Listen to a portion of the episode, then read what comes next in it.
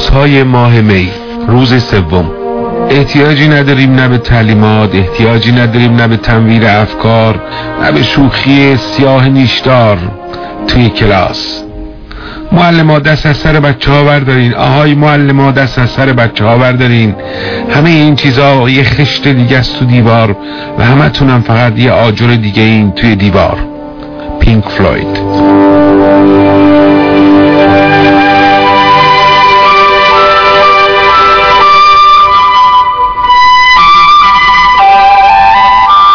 کنار دیوارای خاکستری سربون قدم می‌زنم. هوا همون هوای دیروزه. از آفتاب به ابر و برعکس. پاریس تو ماه می اینطوره. ماه می کارتیلتن یهو زیبا میشه.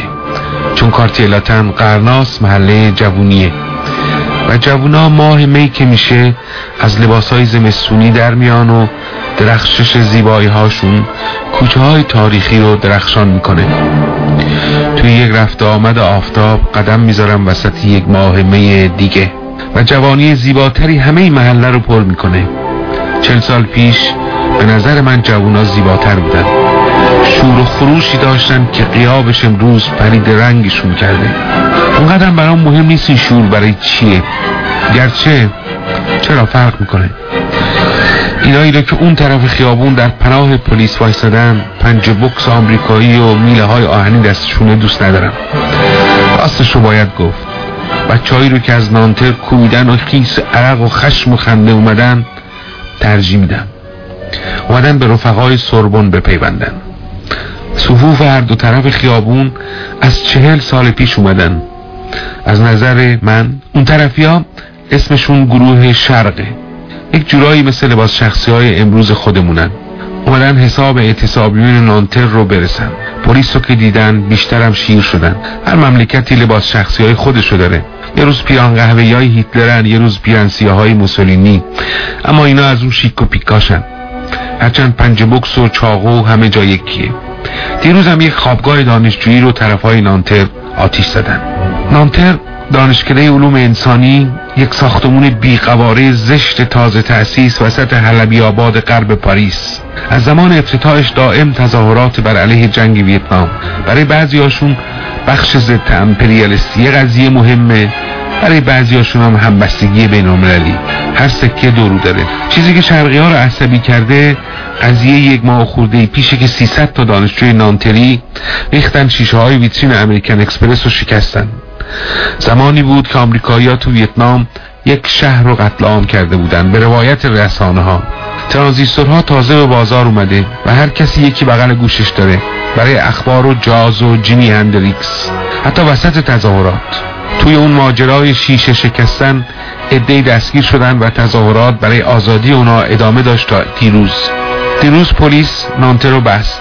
و ادبیاتچی های سربون هم از نانتریا دعوت کردن امروز بیان اینجا توی سهم سربون تظاهرات کنن پلیس هم تصمیم گرفت نذاره. حالا همه تو این هوای بهاری جلوی هم صف کشیدن. ناگهان از وسط صف نانتری ها چیزی پرواز می‌کنه به سمت کله پاسبان کریستیان برونه. اولین مجروح این تیکه تاریخ. ساعت پنجمی بعد از ظهر سوم ماه می 1968 و اما اون شی پرواز کننده اسمش پاوه است یک سنگ مکعب سیاه به قدر قاب صابونای قدیمی رخشویی خودمون. که همه خیابونای پاریس در قدیم و بعضی هاشون هنوز با اونا سنگفرش شدن.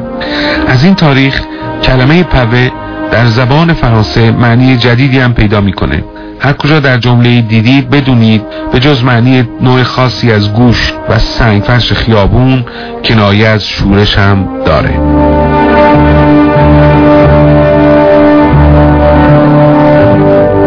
جز هوا خیلی چیزای دیگه این روز حالت سورئل داره. علاوه بر اینکه بیشتر طرفداران سورئالیستا میان تظاهر کننده هستن حضور شعارهای مخالف جنگ الجزیره هم هست که 7 سال پیش تموم شده و از شاخصتر تراکتیه با سمبولای زیبا و پیچیده کار عده از آرتیست های اون زمان به اسم مانیفست 142 نویسنده. اشاره به امضای 142 نویسنده و هنرمند بر علیه جنگ الجزیره تحت عنوان حق نافرمانی. انگار تظاهر کنندگان امروز می‌خوان می‌خوان یه خط موازی بدن به عملشون با مبارزان اون روز. بیخبر از اینکه در سر من همه اینا خط و خطوط موازی دیگه ای رو می‌کشن. مانیفست صد و سی و چند امضای کانون نویسندگان و حق نافرمانی مدنی هنوز تحقق نیافته خودمون بعد از چلو پنجاه سال. اینطوریه دیگه.